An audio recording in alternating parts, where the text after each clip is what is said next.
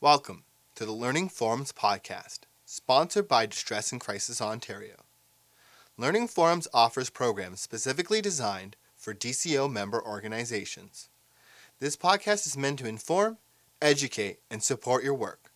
Enjoy the program, and we welcome your comments and feedback at learningforums.ca slash contact with the subject podcast.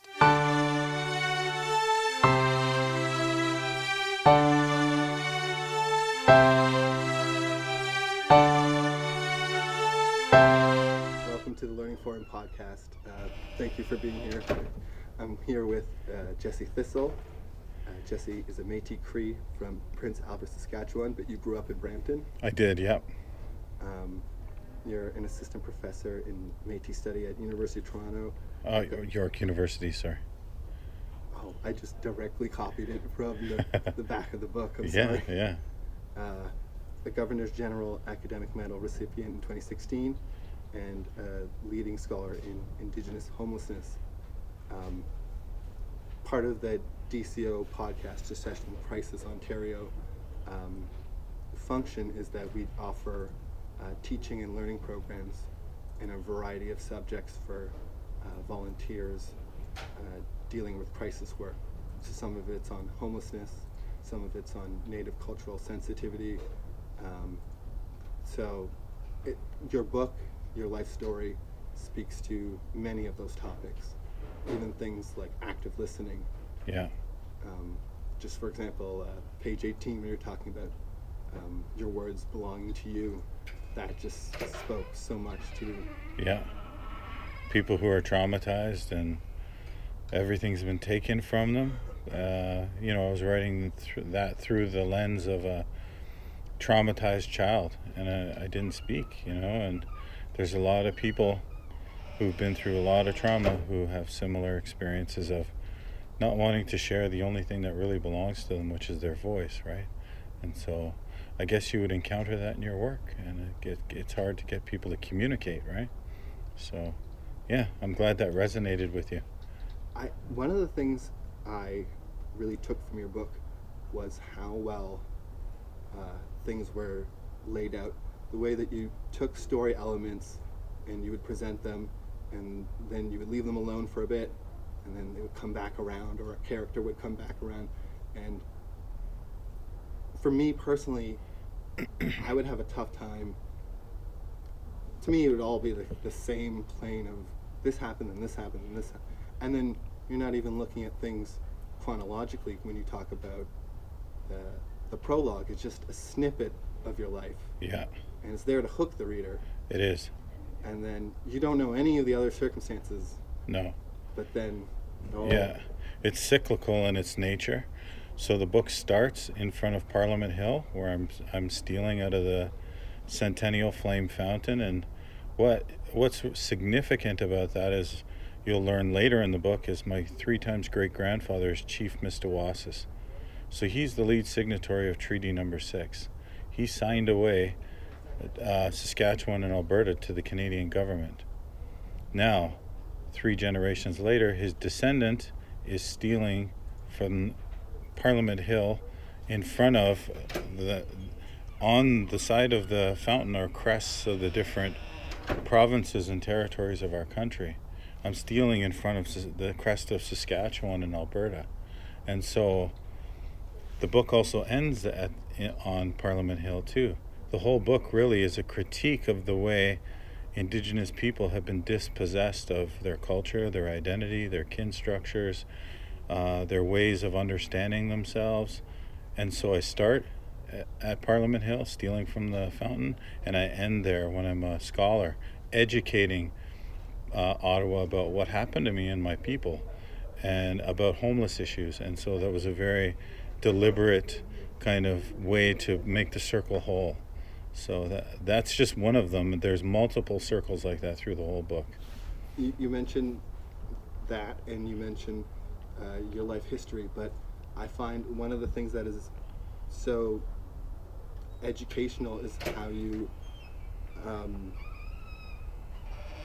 you present sometimes the same thing in different ways so that you can really reinforce the point. Yes. Uh, sorry, I Do you have a good example of that, and I can speak to it? no, I sorry, I just need a, a second to catch myself. Yeah. I'm getting a little nervous. Yeah. Don't don't worry. I can give you an example. My grandparents. So in the beginning, I I'm looking at them through loving eyes of a kid who's kind of lost his family. And then as I settle in and I start to see how damaged they are, you know. And it's been perceived by some that they were abusive, but they weren't. They were just disciplinarians of their time, and I got resentful towards my grandparents because of that. And as a teen, I acted out and I didn't listen, and then I became totally dispossessed of my own identity and my um, my place in that family. And then when I get sober years later, I, I they're the ones who kind of make me whole, and I look at them through loving eyes, and that tough discipline love that they showed me was actually what saved me. You know, was what gave me the strength to pull myself uh, out of addictions and homelessness and, and mental health issues. So. I'm just gonna break the fourth wall. I, what happened there was, I stopped listening to you, and I actually broke the thing that I was talking about when it comes to active listening. Just now, when I lost track of the conversation, so I was too focused on thinking of the next point I was gonna make, and then so I'm learning every single day, every single Yeah. uh, podcast that I put up, and that's what I was actually was trying to talk about. So I'm Okay. sorry that I'm jumping all over. no worries, no worries. Um, I found out um, something really simple, like when I was uh, uploading the the Native Cultural uh, Sensitivity podcast, um, how systematic and how stacked things are for Native people when it comes to. So if you're on the reserve, you're living on crown land, so you can't get loans. And Yeah. I just learned about the road allowances. They are uh, pretty much government lands that are unused and then like a portion to them. So I'm constantly learning things. Um, you wrote an article about uh, the dimensions of homelessness, and Yeah. those are themes that I also play because at some points you're um, disconnected from your people. Some points you're disconnected from your actual family. So it's all stacked up. That's right. sometimes it's very difficult to uh, convey all those ideas at once because it's like a master class and all of these things are happening and Yes. so i really hope uh, one of my sincere wishes is that we sell enough copies of this book that we get like a movie made or a tv show or Yeah. because there's everything the way you present brampton there's Yeah. the four corners i can picture Right. I, I grew up um, Kennedy and Steeles my entire life. Yeah. Uh, Yeah. just seeing all those different places in Brampton, it's just so vivid. Yeah. Well, thank you. That's that's um, I actually, if you look at if you've read the definition of indigenous homelessness and these dimensions that you're talking about, I just show them to you in the book. I show you what they actually look like. So my grandparents living on the sides of the road and these public strips of land called road allowances where we couldn't live because Métis never got treaty and we couldn't fit into settler society. Then I show you what it's like the loss of kin and culture and spirituality when I became when my family fell apart and we were taken into CAS and then we were taken to to Toronto, uh, Brampton here and then all throughout my life not knowing who I was and like listening to Jimi Hendrix and watching the Doors and there's a poem in there where I talk about that na- uh, the native horse thief Chavez those are the ways that I reconstituted myself as an indigenous person because I just didn't know who I was. And so I show all the different emergency crisis homelessness, nowhere to go homelessness. They're all in the book. And I know about that because I went through that. And I tried to use Brampton as the backdrop to what happened because that's where it happened for me. You know, and that I've heard from other people that are indigenous that went through the same thing that it rings true to what they experienced. So this is not only my story, I wrote it, but it represents the indigenous suburban experience in the 80s and 90s, and it's important because we never ever talk about that, right? It's always about reserve life or up on the trap lines or in Toronto in the city, but the suburbs are always forgotten. And so I think that has carried the message because it's just an unspoken type of experience that has never been articulated. On top of that, I know that there's a film being made. To get to your second point of your comment there, uh, I optioned my life out two years ago, uh, before the book was made.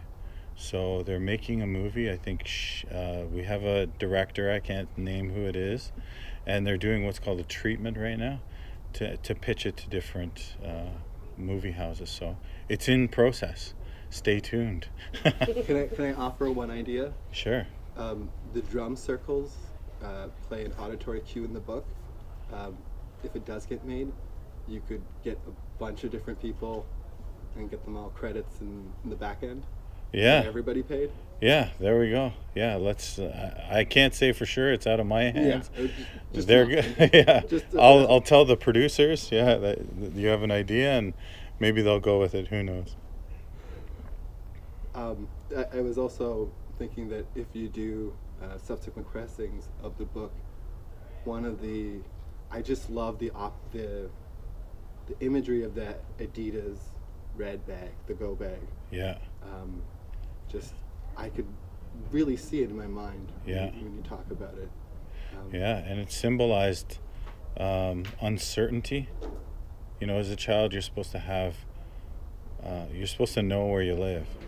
You're supposed to be secure enough to know um, where you're at. Now, I also put in that poem uh, about the bag. Uh, it was actually a poem about suicide, where I jumped out the window as a child. I didn't have the words, you know, when I when I when I attempted to do that, and uh, you know, I was just dreaming of heaven. That's what I had thought, right? And but it was really I was trying to commit suicide because I was traumatized.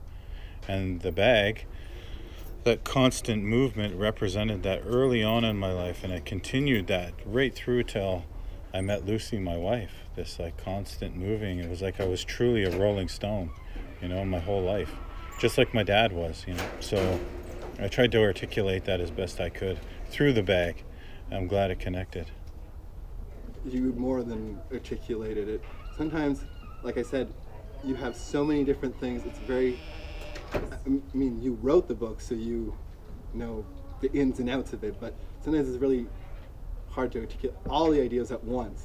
Yes. All the, so I find the best way to digest it is read a bit of it, come back to it, yeah. read again, and even with the research process, I was writing notes. I was constantly going back, and I wasn't yeah. sure it's something that you're gonna sometimes maybe have a difficult time reading, yeah. but it's definitely well worth it. Is what I'm getting at. Oh, thank you. Yeah, it's uh, and I tried to do multiple layers in the simplest direct language, and I think that it's deceiving to the reader because as they're going, they're glossing, and it's also a very fast read. I, I deliberately put pace into it that they they miss some of those layers that you're queuing up on of indigeneity, of homelessness, of cultural loss, of spirituality. They're all in there, you know. And uh, it was a very conscious effort that me and my editor were focused on and really tried to get that right. And that's actually, from what Laurie, my editor, said, is the hardest kind of writing to do. Not this flourishing script that a lot of other writers do to show kind of like how fancy their language is. Mine was more about just getting the message across.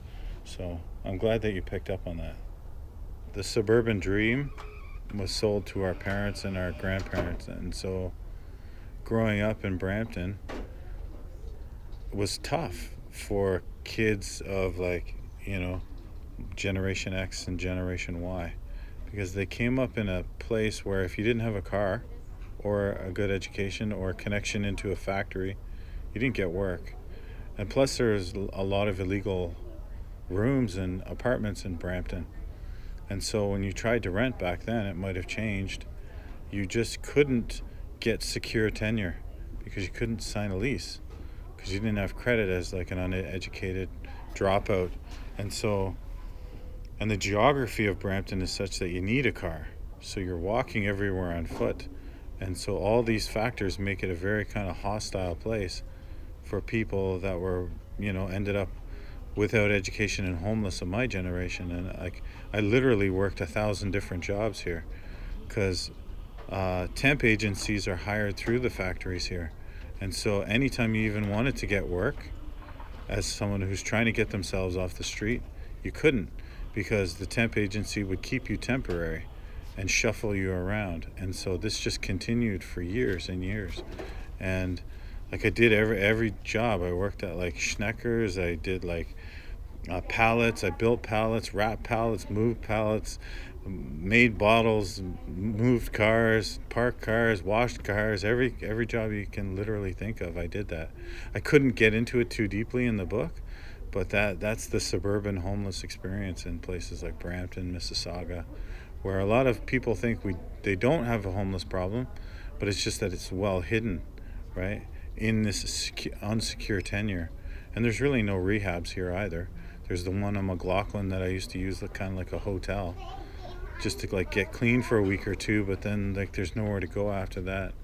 I used to go to the old fire hall um, over on Rutherford until they moved that out of the city core up into like Wilkinson Road on Steeles. I stayed there off and on for so so many years, but that's the actual like logistics of homelessness here in, in Brampton and w- strangely all the services like the church food and the seat giveaway and all the things that they is downtown.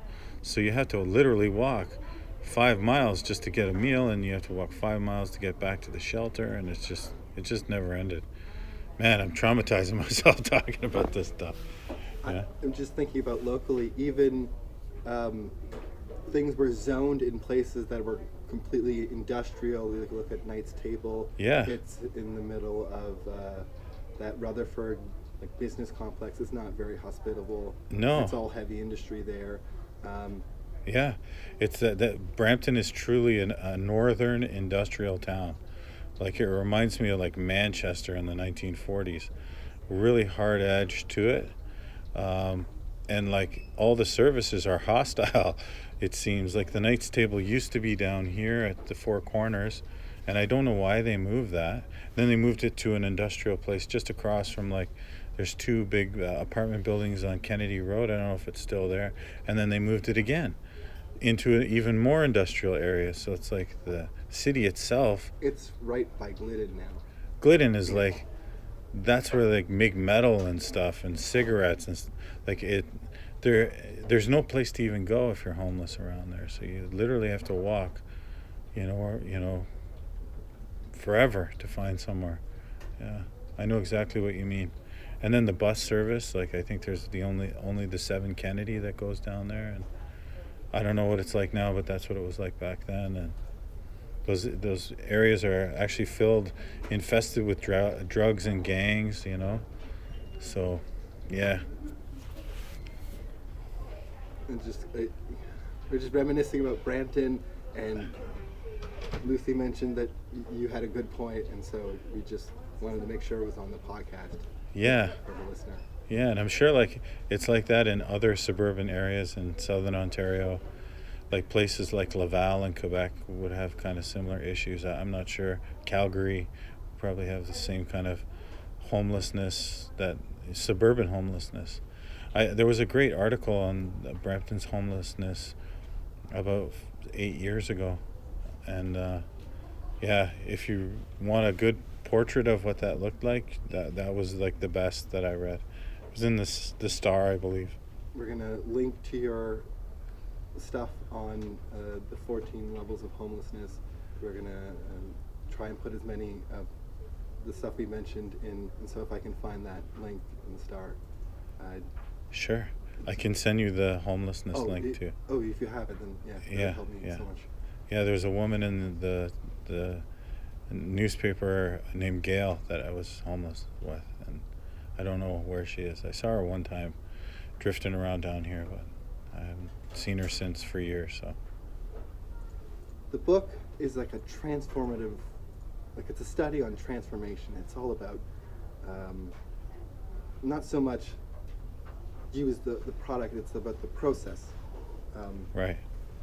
there are many times where you're struggling and there's a confluence there's a confluence of events that where the the factors in your life can change but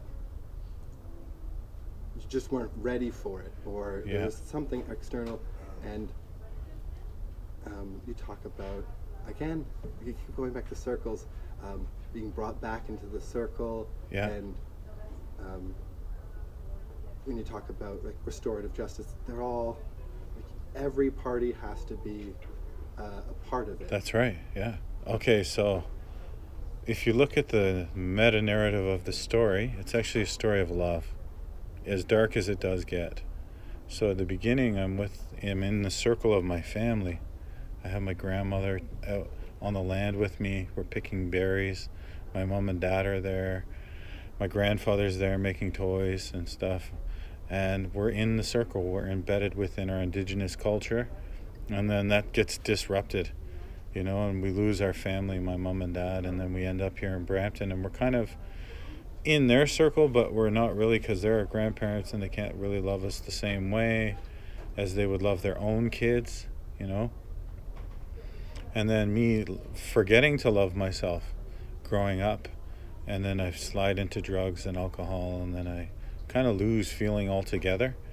And then all throughout the process, there's these like small actors that show up there's the lady at the Chinese food mart that teaches me about like it's bad to steal. And she does by giving me stuff that I was trying to steal. Like that's that changed my heart. That small act of kindness, you know. Another one is is Lauriston in jail, teaching me about the value of sharing, you know, and not trying to hoard everything for myself, and how you get more in life when you give than when you take. You know, I'm a th- I was a like a thief. I didn't. My world revolved around stealing. Then there's like Bucky and and Priest, and they're teaching me about what it what it means to give, and like they're showing me, you know. And so all through my life, there's these small actors that I try to intersperse that are trying to show me what love is, you know. And it wasn't until I got to rehab, after I almost died multiple times, that I learned to say like, hey, maybe I am worth love, you know. Maybe I am worth love, you know. And uh, my grandmother making the promise with her, and her coming back into my circle and making amends, and then Lucy trusting and loving me when basically I was a criminal on the streets.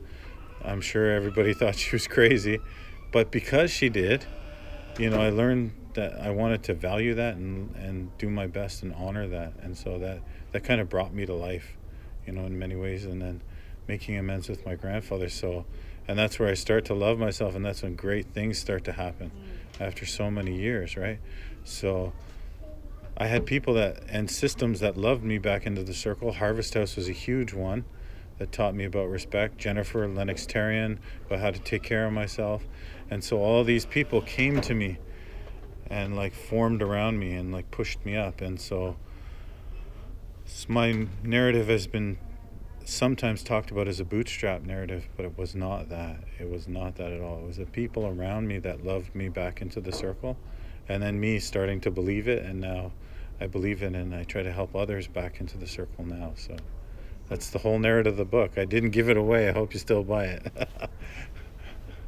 I yeah, I tried to structure the questions as uh, carefully as possible, not to give away specific yeah. plot points. I'm a Brampton boy. Go Brampton, you know. Thank you. It's Yeah. it's really a story of of Brampton. It's a story of love. It's a story about brothers. It's so universal. Um, if you haven't gone out and buy it, buy it now. Uh, I don't know what else I can say about it that Oh, other than more heaping praise. oh, thank you, thank you, thank you very much. I'm glad it's out, and I hope that it connects and helps people uh, in the situation that I was in, and beyond that, I hope it helps Canadians understand the Indigenous experience with homelessness. I'm not speaking for other Indigenous homeless, but I know that my life is representative of some of what other people have endured. So, We're talking about uh, From the Ashes with Jesse Thistle. we're talking about trust and uh, accessing services and leaving the, the how do you leave the door open of trust and accessing services um, when you're faced with constraints with time with whatever it is Yeah, so when I was at rehab in Ottawa, I tried to access rehab for years from McLaughlin Road here in Brampton. And they always had waiting lists, or I didn't have employee insurance, or I could only stay at the detox for a couple weeks and it didn't gel with the other schedule. So I got court ordered to go to rehab in Ottawa. Luckily, you know. Uh, I know a lot of people don't believe in being sentenced to rehab, but it worked for me. And when I was there, I screwed up, right? I relapsed. I left. And uh, I almost died when I left.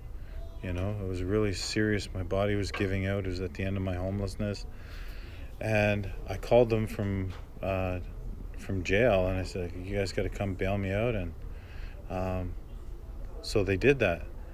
Uh, But when they did that, there was no judgment. They did not keep a list of like the times that I screwed up, the times that I like abused or whatever they believed. Uh, I don't know even how they perceived me. I just know that I was welcome there and that that was where I was supposed to be. The other addicts that I'd bump into on the street would say, You need to go back to the house, man. You need to go back to the house. And so they did that because they knew it was widely known amongst the street people that that house represented safety and trust, unconditional, right, from the people that worked there. And, and we're talking about the hardest of the hard cases, right? People that no other rehab will touch because they have no money because they're homeless, right? Or they have like serious charges and nobody wants to handle them. So Harvest House just doesn't have any of those rules that apply to them. They take people in the worst conditions that nobody else wants and they work with them, you know, and rather than kind of preach Christianity, they're kind of living it, you know, like they're actually those that's what it says to do, right? And so they do that, you know, and they don't beat you over the head with it. They just it's just the way that they are. And so it's the only rehab that I know of that's that like that. And it has an open-ended um, tenure. You can stay there. I knew some guys that were there for five years, right? And I think they can get away with that because it's private. It's a privately funded thing. The guys who stay at the rehab pay for it themselves through selling calendars on the phone.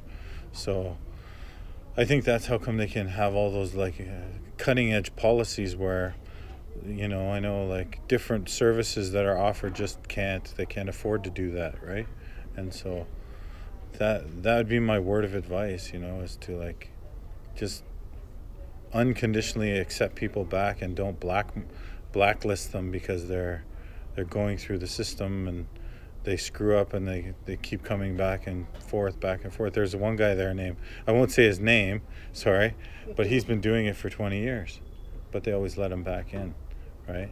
Because there's the off chance that he might get better and they know that if they don't do that then that person will die and they really understand that right? And so that's just my little piece on that so. Thank you awesome. You want me to